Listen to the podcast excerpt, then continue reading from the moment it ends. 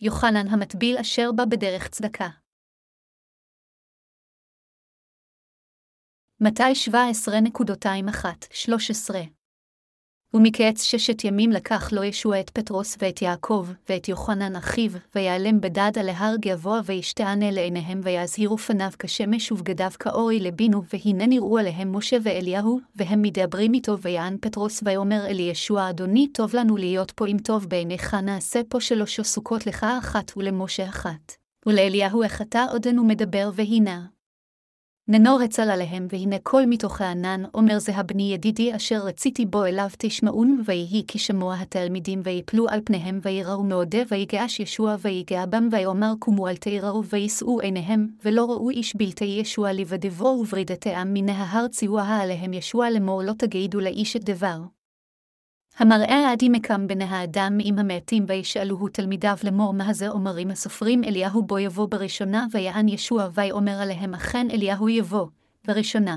והשיב את הקולה אבל אומר אני לכם אליהו כבר בא ולא הכירוהו ויעשו בו כרצונם וכן גם בני האדם יעונה עלי ידם אז הבינו התלמידים כי על יוחנן המטביל דיבר עליהם. הקטע בכתב הקודש של היום מגיע ממטאי 17.21-13. כאן נאמר שישוע לקח שלושה מתלמידיו, פטרוס, יעקב ויוחנן, והוביל אותם להר גבוה. משהו מהמם קרה שם. משה ואליהו ירדו מן השמיים.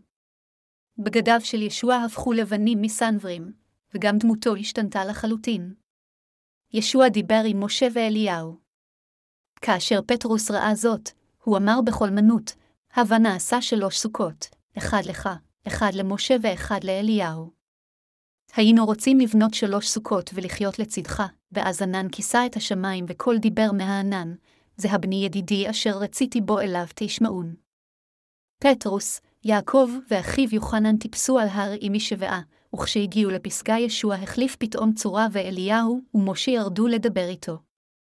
ואז השמיים כוסו בענן וקול אמר, זה הבני ידידי אשר רציתי בו אליו תשמעון.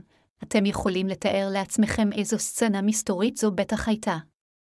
מדוע אם כן הראה ישוע לתלמידים סצנה כזו? ישוע נתן להם לראות אותו מדבר עם אליהו ומשה, אך מה המשמעות של האירוע הזה? פסוק שתיים אומר כאן, וישתענה לעיניהם ויזהירו פניו כשמש ובגדיו כאור הלבינו, במקום אחר בדניאל, כתוב, ומצדיקי הרבים, ככוכבים לעולם ועד, דניאל 12.23. התנ"ך כותב כאן שבגדיו של ישוע נעשו לבנים כמו האור. אלוהים הבטיח לנו שהוא ישנה אותנו ביום האחרון, בדיוק כפי שישוע השתנה. לכן, כאשר אנו משתנים באותו יום, סביר להניח שנשתנה כפי שישוע עבר טרנספיגורציה. נזרח כמו השמש ביום ההוא. כאשר האדון יחזור, אנו נקום לתחייה ונילקח, ואני בטוח שדומותינו ישתנו כך באותו זמן. זו הסיבה שישוע לקח את תלמידיו להר, והראה להם את הדברים האלה. לאחר שהראה את הדברים האלה לתלמידיו על ההר, ישוע דיבר איתם בדרך למטה מההר. כפי שנכתב בפסוק תשע, וברית העם מן ההר ציווה עליהם ישוע לאמור לא תגידו לאיש את דבר המראה עד ימקם בני האדם עם המתים. לאחר מכן שאלו התלמידים את ישוע, מה זה אומרים הסופרים אליהו בו יבוא בראשונה, לאחר מכן ממשיך התנ"ך ואומר, ויען ישוע ויאמר עליהם אכן אליהו יבוא בראשונה, והשיב את הקולה, אבל אומר אני לכם אליהו כבר בא, ולא הכירוהו, ויעשו בו כרצונם, וכן גם בן. האדם יעונה על ידם, אז הבינו התלמידים כי על יוחנן המטביל דיבר עליהם. התלמידים תהו במוחם, אדון, כל דבר מכתבי הקודש צריך להסתיים עם טבילתך, צליבתך ותחייתך, אך אם כן, מדוע הסופרים אומרים שאליהו חייב לבוא קודם, כתבי הקודש נכתבו מזמן, והסופרים בעלי המסורה טענו, כדי שאדוננו יגשים את נבואת התנ"ך. אליהו חייב לבוא לפני כן. הם טענו שרק כאשר אליהו יבוא ישועת האנושות תתממש וכל מה שאלוהים הבטיח ישוב.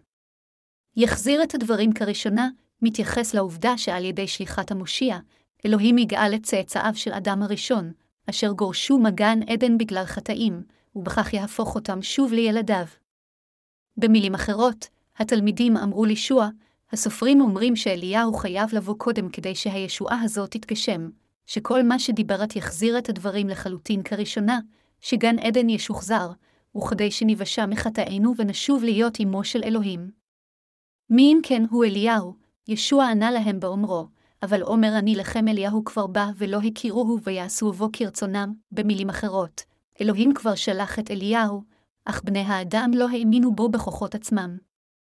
לאחר מכן הוסיף ישוע, וכן גם בני האדם יעונה עלי אדם, מה שמצביע על כך שבדיוק כפי שיוחנן המטביל סבל הרבה על פני האדמה הזו, כך גם ישוע יסבול. כאשר תלמידיו שמעו זאת, הם הבינו לבסוף, הו, אז יוחנן המטביל הוא אליהו, פסוק 13 אומר, אז הבינו התלמידים כי על יוחנן המטביל דיבר עליהם, יוחנן המטביל הוא אליהו שאלוהים הבטיח לשלוח בספר מלאכי בתנ"ך. הבה נפנה אל מלאכי. בפרק האחרון של התנ"ך, ממש לפני מתי, כתוב במלאכי 3.19-21, כי הנה היום בא, בוער כתענור, והיו חלזדים וכלו שעה קש, וליהט אותם היום הבא, אמר יהבה צבאות, אשר לא אעזוב להם שורש בענף וזרחה לכם יראה שמי שמש צדקה, ומרפא בכנפיה, ויצאתם ופשעתם כעגלי מרבקה ועשותם רשעים, כי יהיו אפר, תחת כפות רגליכם, ביום אשר אני עושה, אמר יהבה צבאות, לאחר מכן הוא. המשיך ואמר במלאכי 3.22-24, זכרו תבורת משה עבדי, אשר ציוויתי אותו בחורב על כה ישראל, חוקים ומשפטים הנה אנוכי שולח לכם, את אליה הנביא, לפני, בו יום יהבה, הגדול והנורא והשיב לב האבות על בנים, ולב בנים על אבותם, פנבו והכיתי את הארץ חרם. אלוהים הבטיח שהוא ישלח את משרתו אליהו הנביא לפני שהוא עצמו יבוא לעולם הזה. הוא אמר שאליהו יפנה את לב האבות לילדים, ואת לבבות הילדים לאבותיהם. זה בדיוק מה שהכהן הגדול אמור לעשות. זוהי חובתו של הכהן הגדול לשנות את ליבו של אלוהים על ידי הקרבת קורבנות בשבילו. זעמו של אלוהים מתעורר כאשר אמו חוטא לפניו, ותפקידו של הכהן הגדול הוא לשנות את ליבו הזועם של אלוהים ללב רחום. במילים אחרות, הכהן הגדול הוא זה הממלא את תפקיד המתווך הזה לשנות את ליבו של אלוהים כדי לרחם על העם הזה. זוהי גם חובתו להחזיר את ליבם של האנשים שעזבו את אלוהים בחזרה אליו. אלו הן חובותיו של הכהן הגדול המקריב קורבנות לאלוהים בשם אמו. אלוהים אמר שהוא ישלח את אליהו הנביא, ואליהו היה אמור למלא את החובות האלה על ידי בואו אל האדמה הזו. מתי אם כן הוא היה אמור לבוא? אלוהים הבטיח שהוא ישלח אותו כאשר המשפט יהיה קרוב, כפי שכתוב, פנבו והכיתי את הארץ חרם, אליהו אמור לבוא ולמלא את תפקידו כמתווך כדי להוביל את לב העם בחזרה לאלוהים ואת ליבו של אלוהים אליהם. אך התנ"ך גם אומר שאם העם לא יקשיב לדבריו של אליהו, ולא יפנה את ליבו בחזרה. לאלוהים ולא יאמין בו, אלוהים יבוא ויכה את האדמה הזו. הוא יחסל אותם וישליך אותם לכבשן בוער. ישוע נפגש פנים מול פנים עם משה ואליהו בקטע כתב הקודש שאנו קוראים היום. הוא פגש אותם על הר גבוה ודיבר איתם. דבר זה הוא בעל רלוונטיות מוחלטת ישועתנו. משה הוא נציג התורה. לאחר שקיבל את התורה מאלוהים, משה קיבל גם את שיטת ההקרבה של המשכן אשר אפשרה לעמו להשיג את מחילת החטאים מאלוהים. אלוהים דיבר על משה באופן אישי. כך שחמשת חמשי התורה, הם לגמרי מהימנים. בחמשת הספרים בראשית, שמות, ויקרא, במדבר ודברים, אלוהים דיבר על ברכותיו לעם ישראל ולמין האנושי כולו באמצעות משה, והוא ניבש ישוע המשיח יבוא אל האדמה הזו, ויושיע את האנושות. כל זה כלול בחמשת חומשי תורה שכולם בברית הישנה היו אמורים לקבל את מחילת החטאים באמצעות מערכת ההקרבה של המשכן. בהתאם לדרישות של מערכת ההקרבה הזו של המשכן, ישוע המשיח יבוא אל האדמה הזו וימחק את כל חטאי פני האדם אחת ולתמיד. אלוהים דיבר כל דבר באמצעות משה. מה אם כן אומרים לנו שאר ספרי התנ"ך, מהושע ועד מלאכי? הם אומרים לנו, שמור את תורת האלוהים. אם תאבדו אלילים ולא צייתו לתורה, אלוהים ישפוט אתכם. מתוך ספר יהושע ואילך, התנ"ך עוסק במעגל החטאים והחזרה בתשובה שבני ישראל עברו, ומתעד כיצד הם הוכו על כך שלא שמרו את התורה, כיצד הם חזרו בתשובה וכיצד הם נפלו שוב לחטא. כך, החומשים מהווים את היסוד המוחלט של הישועה. אם כן, אתם בוודאי יכולים להבין כעת מדוע ישוע עלה להר וזימן את משה ואליהו למטה כדי לדבר איתם. אליהו היה משרתבו של אלוהים שהוביל את עם ישראל האלילי בחזרה אל האדון והעיד בפניהם, עדני הוא האלוהים האמיתי.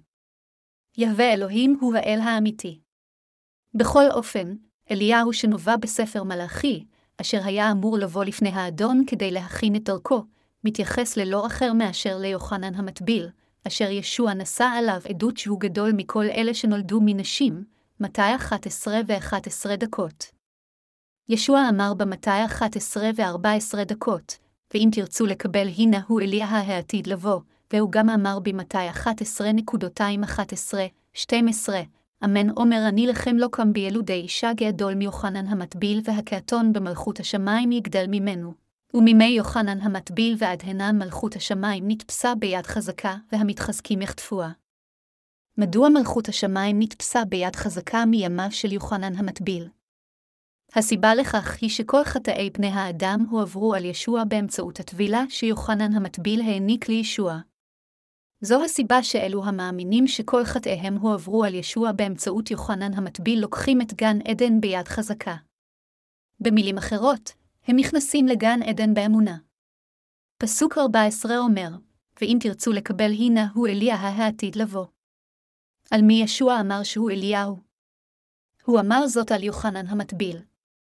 במילים אחרות, אליהו זה הוא מישהו חיוני לחלוטין והכרחי לישועתנו, והוא לא אחר מאשר יוחנן המטביל. רק כאשר אליהו זה יבוא, חטאי כולם יועברו על ישביה ובכך כולם יהפכו לחפים מחטא. במילים אחרות, יוחנן המטביל, שהיה אליהו, הוביל את כולם בחזרה לנוחותו של אלוהים על ידי שהטביל את ישבעה, ובכך העביר לו את כל החטאים. כאשר יוחנן המטביל העביר את חטאי העם לשואה ובכך הקריב קורבן בשמם, הוא מילא את כל התפקיד של אליהו.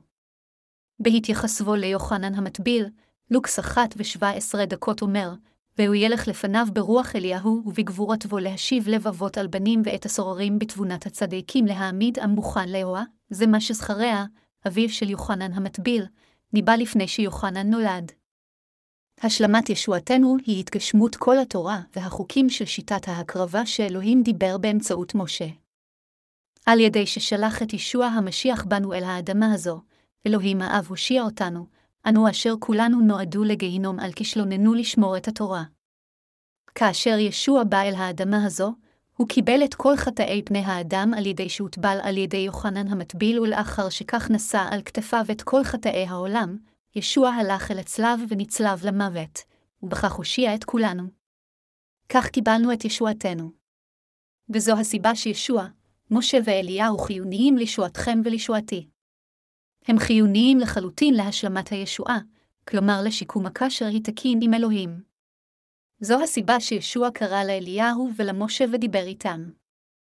התלמידים שאלו את ישבעה ואמרו, הסופרים אומרים שכדי שהכל יהיה כראשונה, קודם אליהו חייב לבוא. אז מה אתה אומר? אז ישוע אמר להם, אליהו כבר בא. אבל הם לא האמינו לו, ובמקום זאת התייחסו אליו בכל דרך שהם רצו.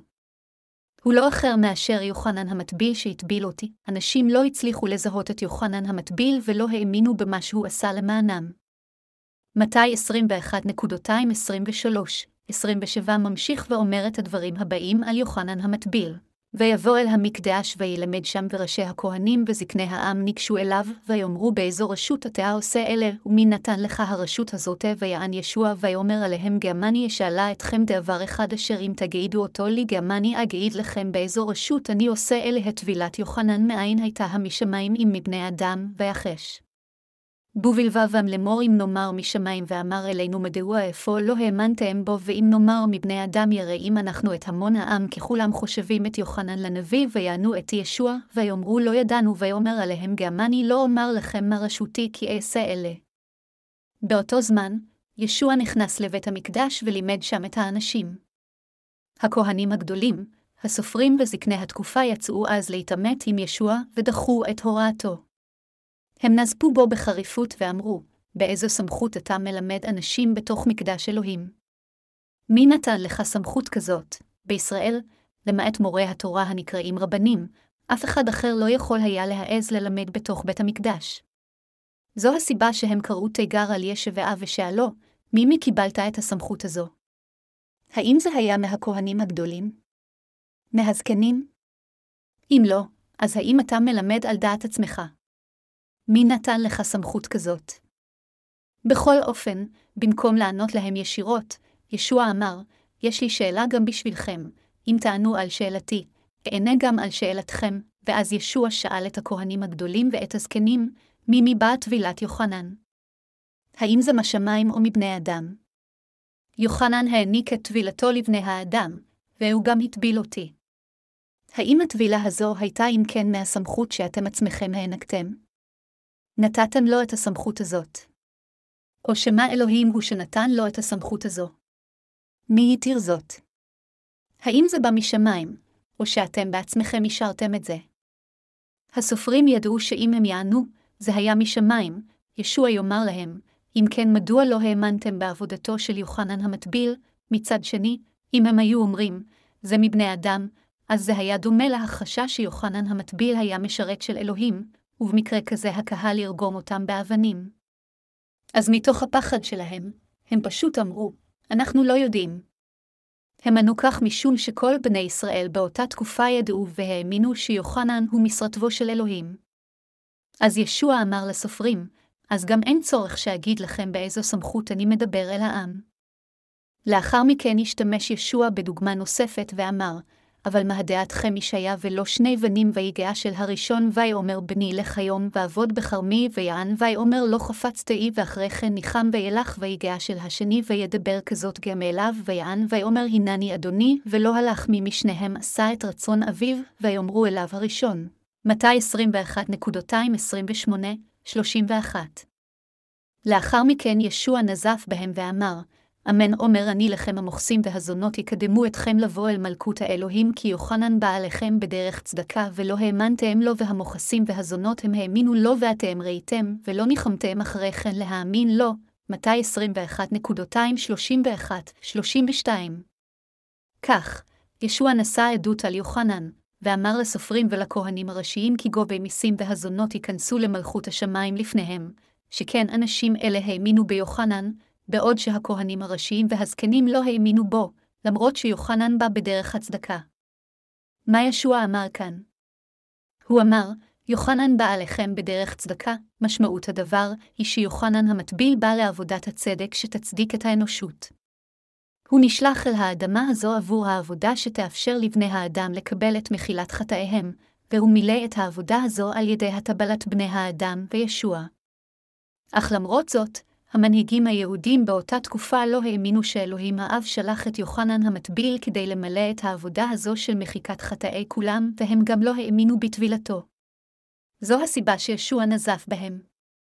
יתר על כן, ישוע גם אמר להם, אפילו גובי מיסים וזונות ייכנסו למלכות השמיים לפניכם. גובי המיסים והזונות האמינו ליוחנן. הם האמינו שיוחנן המטביל היה משרתו של אלוהים ושעל ידי שהטביל את ישוע, הוא העביר את כל חטאי העם ושטף אותם. מהי משמעות טבילתו של יוחנן? פירוש המילה טבילה זה להישתף. כמו סמיכת הידיים של התנ"ך, היא טבילה כרוכה בכך שאדם יניח את ידיו על אדם אחר וישקיע אותו במים. כאשר הידיים מונחות כך, החטא מועבר הלאה. מוסד זה הוקם על ידי אלוהים ולכן הוא יעיל לכולם. אם תיתן לאדם בעל שד להניח את ידיו על ראשך, השד שלא יעבור אליך. כאשר מישהו מנסה לדבר בלשונות, אדם אחר אחוז שד שמדבר בלשונות מניח את ידיו על ראשו של האדם האחר, ומתפלל. אז השד היה עובר לאותו אדם, ומי שזה עתה קיבל את צמיחת הידיים היה מתחיל גם הוא לדבר בלשונות כשהוא אחוז שד. אם מקשיבים לדרשבות שהטיף אדם אחוז שד, סביר מאוד להניח שהוא גם יתחיל לדבר בלשונות. אנשים כאלה פתאום מקבלים התקף, מדברים בלשונות בקדחתנות, מתגלגלים על הרצפה ונתקפים בכל מיני עוויתות. זה הכל בגלל שסדים נכנסים אליהם. ככה, הרוחות הרעות שהחזיקו במישהו אחר עוברות גם אליהן. כך, צמיחת הידיים פירושה להעביר. חבריי המאמינים, המילה טבילה פירושה, קודם כל, שטיפת חטאינו. כשהוא קורא לכולם להתאבל, יוחנן אמר, שתפו את חטאיכם. אתם חייב להישתף מחטאיכם. לבני ישראל, יוחנן המטביל העניק את טבילת התשובה אשר גרמה להם לקבל את מחילת חטאיהם, מרקוס 1.24, אך הוא גם הטביל את ישוע, והטבילה הספציפית הזו הייתה הטבילה אשר העבירה את כל חטאי בני האדם לישוע. הטבילה שישוע קיבל מיוחנן המטביל הייתה הטבילה אשר שטפה את חטאי כולם. לכן טבילה פירושה להישתף, להיקבר ולעבור הלאה. חבריי המאמינים, מה היה צריך לעשות כדי שחטאינו ישתפו? כדי שחטאינו ישתפו, זה היה הכרחי לחלוטין עבור יוחנן המטביל להניח את ידיו על ישוע ולהעביר לו את כל חטאי המין האנושי כולו. מה אם כן היה צריך לקרות לאחר שחטאינו הועברו על ישוע? מכיוון שישוע קיבל את כל חטאינו, הוא היה צריך למות ולהיקבר באדמה. זוהי הסיבה שישוע, לאחר שנשא על כתפיו את כל חטאי בני האדם על ידי שהוטבל, הלך אל הצלב כיסא האלוהים ומת במקומנו. וזו הסיבה שישוע נקבר. ישוע שאל, מהי טבילתו של יוחנן, אך המנהיגים הדתיים של ישראל לא התייחסו לטבילתו של יוחנן. אז ישוע אמר להם, יוחנן בא אל האדמה הזו בדרך של צדקה, ובעוד גובי מיסים וזונות האמינו לו, אתם לא חזרתם בתשובה והאמנתם לו אפילו שראיתם אותו. עתה תלכו ישר לגיהינום. בדיוק כפי שכתוב במלאכי, ביום האחרון תושלכו לאמצע תנור בוער, כשאתם במרכזו של זעם קיצוני. אלוהים היה אמור לשלוח את אליהו הנביא והוא היה אמור להפנות את ליבו של האב לילדיהם, כלומר, את לב אלוהים לילדיו. איך? זה יהיה על ידי שליחת יוחנן המטביל, נציג האנושות והגדול מכל אלה שנולדו מנשים. על ידי הטבלת ישוע, בין האלוהים ומושיענו יוחנן המטביל העביר את כל חטאינו למשיח. באמצעות זה, יוחנן הפנה את זעמו של אלוהים שהיה שמור לנו לישוע המשיח במקום לנו, ואפשר לכולנו אשר לא יכולנו להתקרב לאלוהים בגלל חטאינו, לבוא באומץ לפני נוכחותו על ידי האמונה באמת זו. על ידי האמונה בבשורה זו של המים והרוח, אשר יוחנן המטביל העביר את כל חטאי העולם לשוע על ידי הטבלתו, וכי ישוע נשא על כתפיו את כל החטאים הללו והורשע עליהם על הצלב, האנושות יכולה כעת לעמוד לפני אלוהים. אלוהים גרם ליוחנן המטביל למלא את תפקידו כאיש האחראי לטבילתו של ישוע, כדי שאלוהים ירחם על כל אלה המאמינים בישוע המשיח ובתפקידו של יוחנן המטביל ויקח אותם כילדיו שלו. במילים אחרות, יוחנן המטביל מילא תפקיד של מתווך. כתוב, השיב לבאבות על בנים. ככהן האחרון של הברית הישנה, יוחנן המטביל מילא לחלוטין את התפקיד הזה כמתווך. אלוהים הקים את מוסד שיטת ההקרבה והפך אותה לידועה לעם ישראל באמצעות משה. כך כל בני ישראל הקריבו את קורבנותיהם לאלוהים על בסיס עקרון הייצוג, והנה זה יוחנן המטביל, שמילא את חובותיו ככהן הגדול האחרון שלהם. הוא נציג האנושות, הגדול מכל אלה שנולדו מנשים. ישוע אמר שהשמיים סבלו מיד חזקה מימיו של יוחנן המטביל. משמעות הדבר היא שיוחנן המטביל הוא הכהן הגדול האחרון של הברית הישנה אשר מילא את התפקיד המכריע של העברת כל חטאי העולם על שהאלוהים כדי לפתוח את שערי השמיים. אלוהים הבטיח לשלוח את אליהו, ואליהו זה הוא לא אחר מאשר יוחנן המטביל. אלוהים אמר שאליהו יפנה את לבבות האבות לבנים, ואת לבבות הבנים לאבותיהם. יוחנן המטביל הקריב את הקורבן הנצחי בשמנו.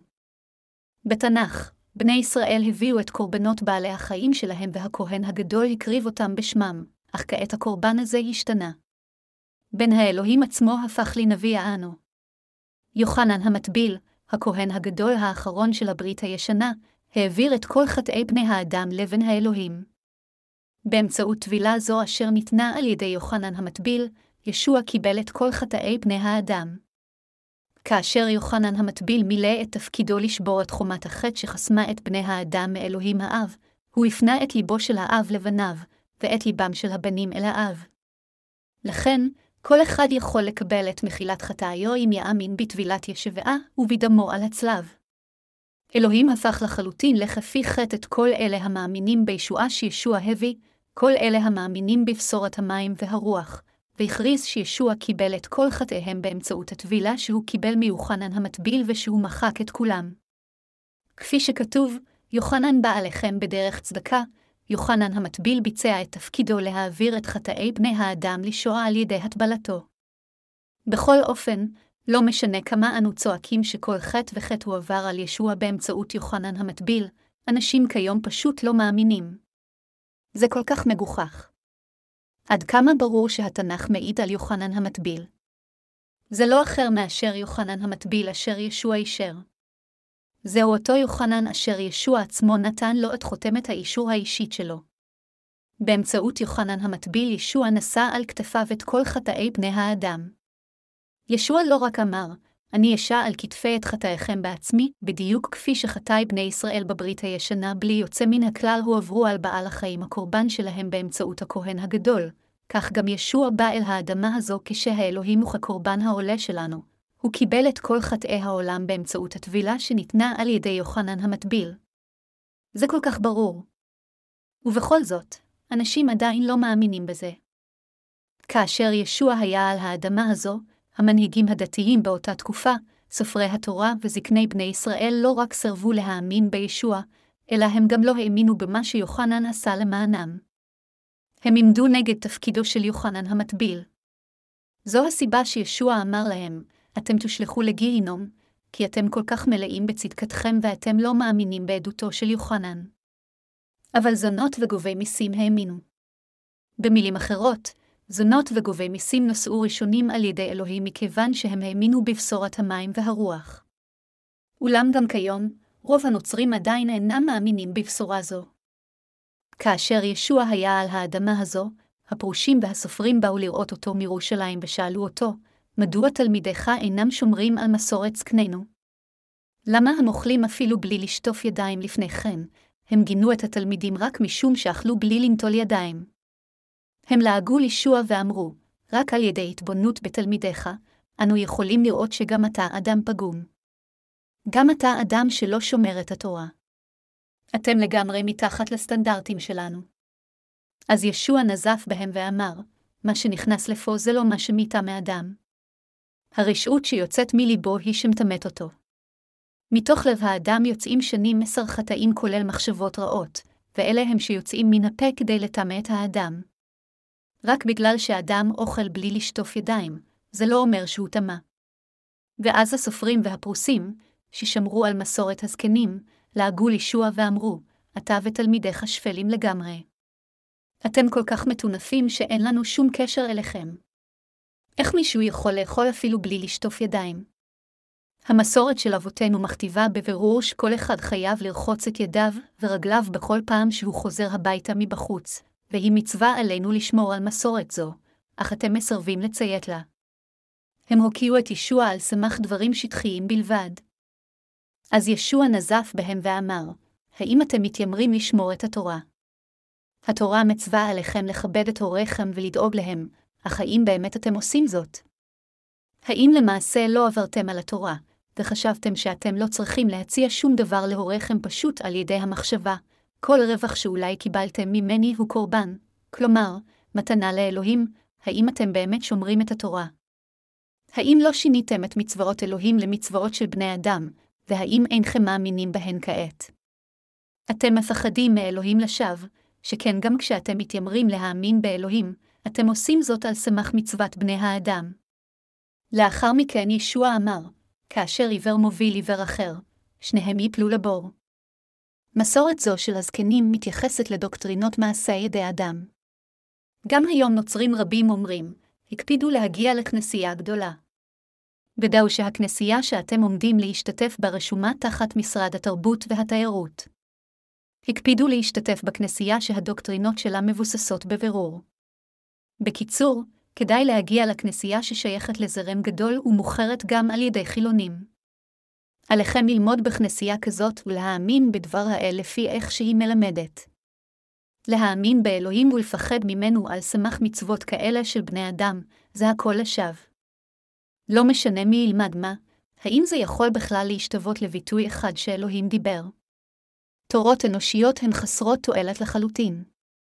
בכל אופן, המנהיגים הנוצרים של היום עוברים על רשימה ארוכה של מי אמר מה, ואומרים לקהילה, קלווין אמר את זה, לותר אמר את זה, ליבינגסטון אמר את זה, אברהם קויפר אמר את זה, הגל וקנט אמרו זאת, ואילו קונפוציוס, מנציוס וסוקרטס אמרו זאת. זה מה שג'ון סטוט מבריטניה אמר, וזה מה שאברהם לינקולן מארהב אמר, ואיך הוא האמין וניהל את חיי האמונה שלו. זה הכל לשווא ללמד ככה, ללמוד ככה וללכת ככה. הדבר החשוב ביותר הוא מה שהתנ"ך בעצם אומר. מה שדבר האל אומר בשתי הבריתות הוא מה שחשוב באמת. ישוע אמר שיוחנן המטביל הוא אליהו שיבוא, ושהוא הגדול מבין כל אלה שנולדו מנשים. כאשר אלוהים עצמו אומר שיוחנן המטביל העביר את כל חטאינו לישוע על ידי הטבלתו, ושזה מה שכרוך במערכת ההקרבה, עלינו להאמין בכך וללמד בהתאם. זו הכוונה בהקשבה ובאמונה במצוות אלוהים ובדברו, ועל ידי האמונה בדבר האל הזה אנו נושעים. זה הכרחי לחלוטין עבורנו להקשיב לאלוהים בקשב רב על פי דבר האל הזה. זו הדרך לירה מאלוהים. אין דבר טיפשי יותר מאשר להרצות רק על דוקטרינות מבלי לדעת אפילו את דבר האל כראוי. האם יוחנן קלווין מצרפת הכיר את קשורת המים והרוח, דבר הל? צרפת היא המקום שבו נולד הענק התיאולוגי הזה, אך בשורת המים והרוח נכנסת עתה לצרפת. הצרפתים לא מכירים את קוריאה כל כך טוב, אבל אנחנו ננצל את ההזדמנות הזאת כדי להבהיר להם את זה בבירור. הם יכירו בכך שקוריאה כבר אינה אומת הנזירים, אלא מדינה של אמונה אמיתית של הקדמונים. אף על פי שיוחנן בא בדרך הצדקה, נוצרים רבים אינם מאמינים בכך. הם אינם מאמינים שיוחנן המטביל היה אליהו שאלוהים הבטיח לשלוח בעידן האחרון. אנשים מדברים על יוחנן המטביל ככישלון, ואומרים, יוחנן היה כישלון. למה? כי הוא ראשו נחרט כאשר הוא קרא תיגר על המלך הורדוס. אבל יוחנן המטביל לא היה כישלון. אם יוחנן המטביל היה כישלון, אז גם ישוע היה כישלון, כפי שגם אלוהים האב היה כישלון. על מנת להושיע אותנו בני האדם מחטאים, אלוהים האב שלח את יוחנן המטביל אל האדמה הזו שישה חודשים לפני ישבעה. לאחר מכן האב שלח את ישביה אל האדמה הזו שישה חודשים לאחר לידתו של יוחנן המטביל. וכאשר מלאו לשניים שלושים, יוחנן הטביל את ישבעה וישוע קיבל את הטבילה הזו. כך אלוהים האב שם את חטאי העולם על ישביה. בהתחשב בכך, אילו יוחנן המטביל היה נכשל, גם שירות הישועה של ישוע היה נכשל, ואלוהים האב ששלח אותם היה נכשל גם הוא. באמצעות משה בברית הישנה, אלוהים דיבר לבני האדם על התורה שנפלה לחטא, על מערכת הקורבנות שביטלה את החטא, ועל 613 החוקים והמצוות שעל האנושות לשמור. הכל היה כלול בתורה, משיטת ההקרבה ועד תורת הישועה ותורת המשפט. אלוהים הבטיח לשלוח את אליהו. בדיוק כפי שהוא הבטיח, הוא שלח את אליהו. שישה חודשים לאחר ששלח את אליהו, אלוהים שלח את ישביה אל האדמה הזו. ובאמצעות אליהו, הוא העביר את כל חטאי פני האדם לשואה. ישוע קיבל את כל חטאי פני האדם באמצעות אליהו. אליהו העביר את כל חטאי פני האדם לישוע. ישוע אמר, לכן ראוי לנו למלא את כל הצדקה. כך, ראוי להפוך את כולם לחפים מחת ולהושיע את כל אנשי העולם הזה מכל חטאיהם.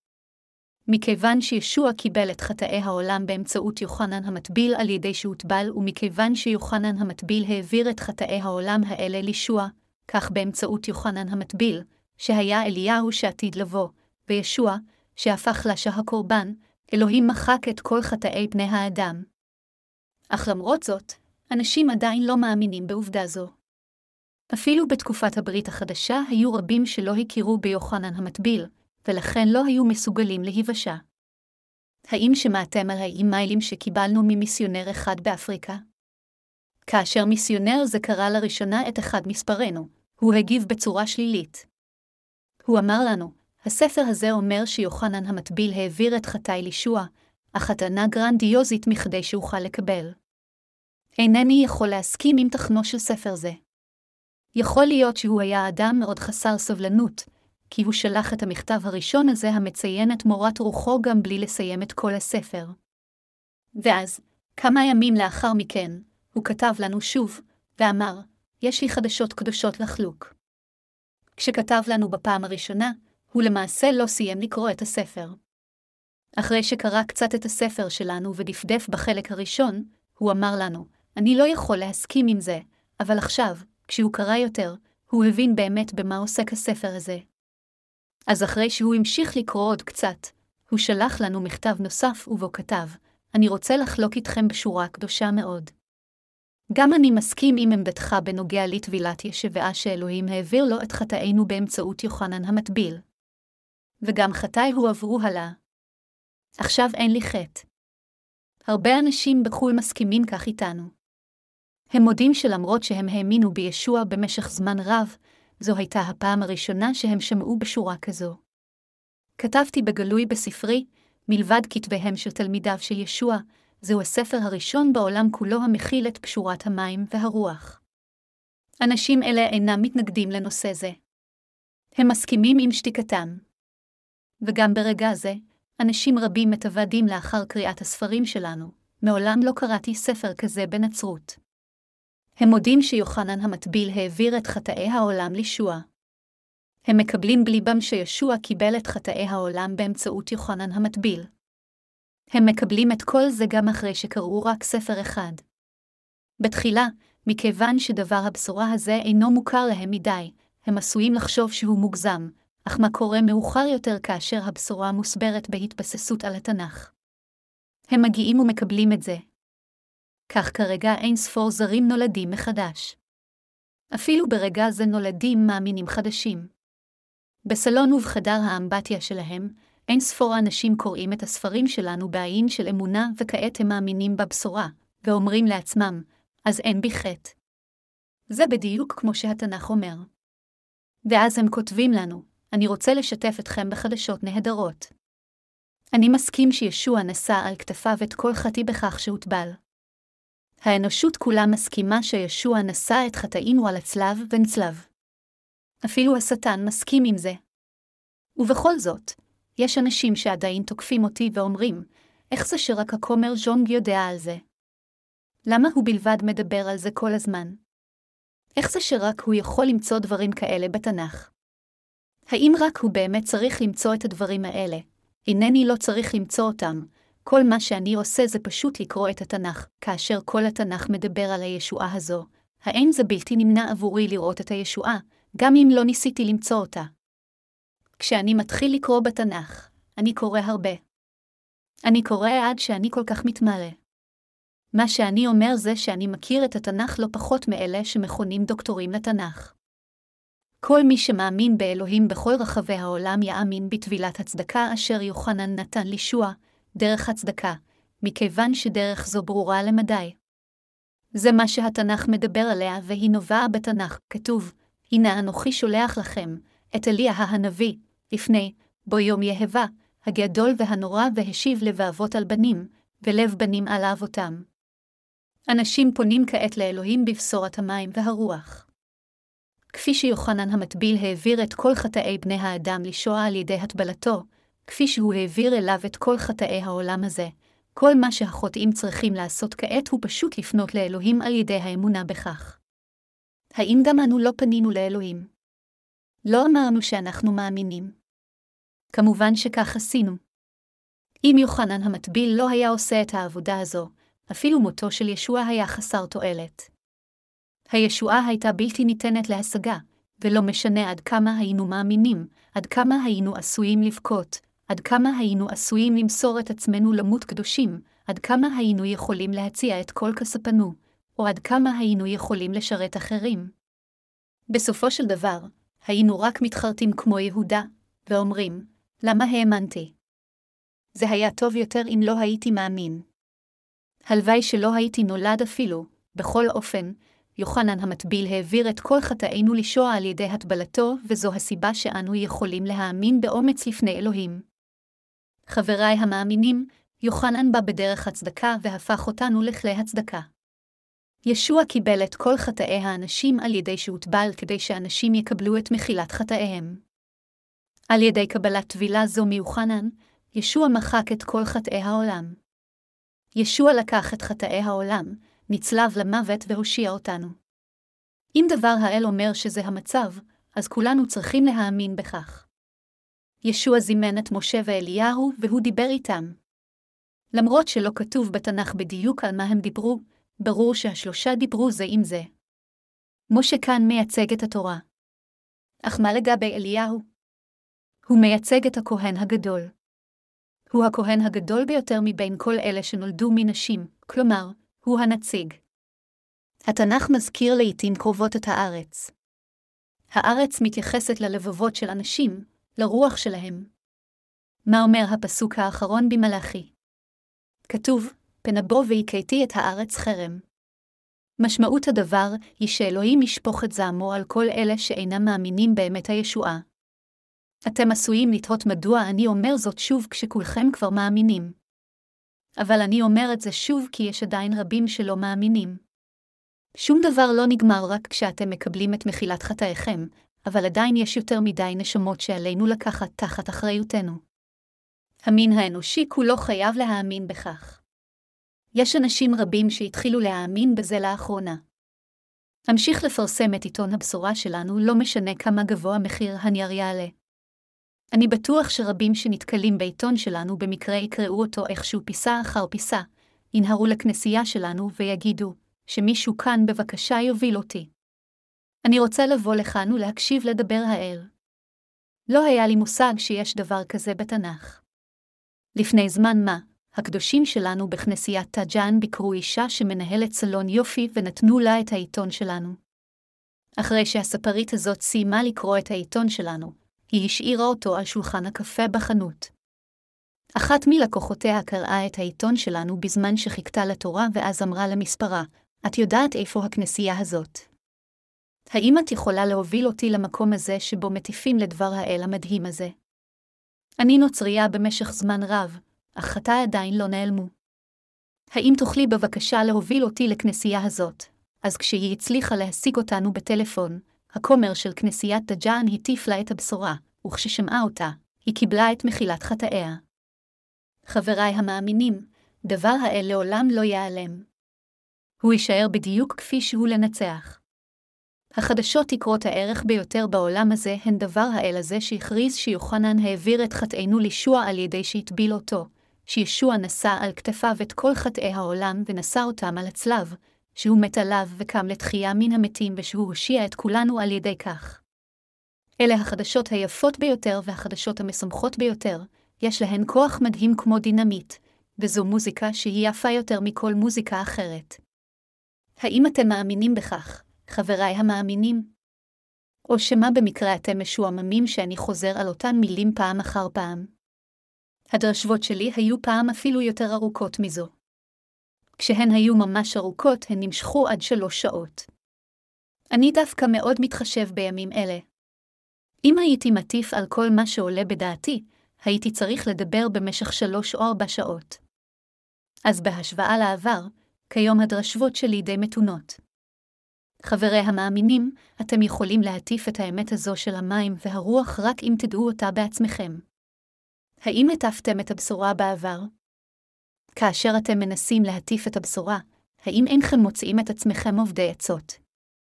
רק כאשר תקשיבו לי דבר האל על כל פרטיו, ותאשרו אותו ותדעו אותו לפרטיו, תוכלו להטיף את הבשורה באופן קונקרטי בכל פעם שמישהו יאתגר אתכם בדבר האל, לגרום לו להיכנע ולהושיע את נשמתו. האם תעדיפו להיוושע לבדיכם ופשוט לשמור את ידיעת האמת לעצמכם? אם הייתי עושה זאת, הייתי מפסיק מזמן לשרת את הבשורה כאשר קיבלתי לראשונה את מחילת חטאי. אם הייתי מפסיק לשרת את הבשורה לאחר שקיבלתי אותה, סביר להניח שעד עכשיו הייתי הופך לי מנהל מרכז התפילה הגדול שאימי המאמצת הובילה. אז סביר להניח שחלק מכם היו מגיעים למרכז התפילה שלי כדי להתפלל. ברוך הבא. מה מביא אותך לכאן? באתי להתפלל. אם כן, לך לחדר ההוא להתפלל, אתה יכול להשתמש בחדר הזה, לאחר מכן הייתם בוכים בגלגול עיניים בחדר ההוא ומעבירים את עצמכם דרך סבל רב בניסיון לצום. אנשים שמבקרים במרכז תפילה רוצים לעתים קרובות שהמנהל שלא יניח עליהם את ידיו. אלה שמנהלים מרכזי תפילה דורשים. בדרך כלל תרומה גדולה רק כדי להניח את ידיהם פעם אחת. הם מרוויחים טונות של כסף. אבל אם הייתי סותם את הפה במקום להטיף את הבשורה הזו, האם לא הייתם הולכים כולכם לגיהינום עכשיו? אם לא הייתי עושה את העבודה הזו, אלוהים היה גורם למישהו אחר לעשות אותה, כי יש לו את הכוח להפוך אפילו את האבן הזו לצאצא של אברהם.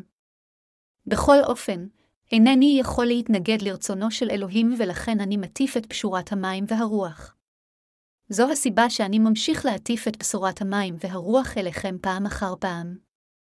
אני מפציר גם בכם להטיף את הבשורה הזו לאחרים בפרטיה, ולא רק לחיות למען עצמכם.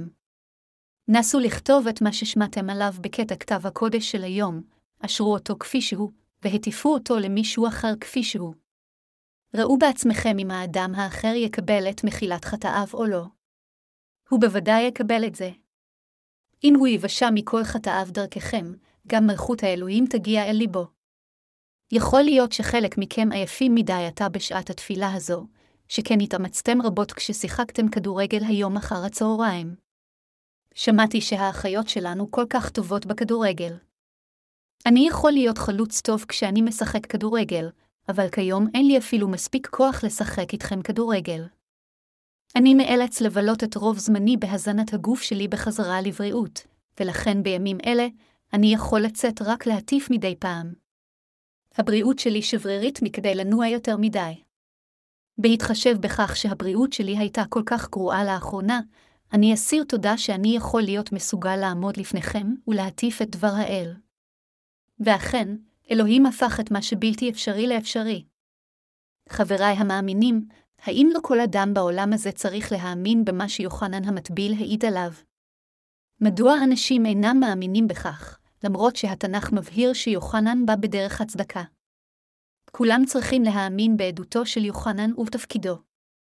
בשורת המים והרוח שיוחנן המטביל הגשים יחד עם ישוע היא דרך הישועה שכולם ברחבי העולם כולו חייבים להאמין בה. יוחנן המטביל בא בדרך הצדקה והעביר את כל חטאי העולם לשוע על ידי הטבלתו. ועל ידי כך שקיבל את חטאי העולם ומת על הצלב, ישוע הושיע את כולנו מחטאינו. כולם חייבים להאמין בישועה הזו ובדרך הזו למלכות השמיים. אתם ואני כאחד, כולנו חייבים להגיע לישועה על ידי אמונה. כל מי שמאמין בישוע חייב להאמין בלי יוצא מן הכלל בכל זה. לא ניתן להגיע לישועה רק על ידי האמונה בצלב בלבד. זוהי חובה מוחלטת להאמין בבשורת המים והרוח. זה מה שאני רוצה לחלוק עם כולכם. מה דעתכם אם כן? האם אתם מאמינים בבשורה זו? ייתכן ששמעתם את דבר האל הזה מאות ואלפי פעמים, אך אם אתם עדיין לא מוכירים את הבשורה הזו, עליכם להתבייש בעצמכם לפני אלוהים. כאשר ישוע עצמו מאשר את פשורת המים והרוח, כיצד אנו יכולים שלא להוקיר אותה? חבריי המאמינים, אני מבקש מכולכם להוקיר את הבשורה הזו. אתם חייב לשמור עליה בנאמנות. ואתם חייבים להאמין בכך בלבכם.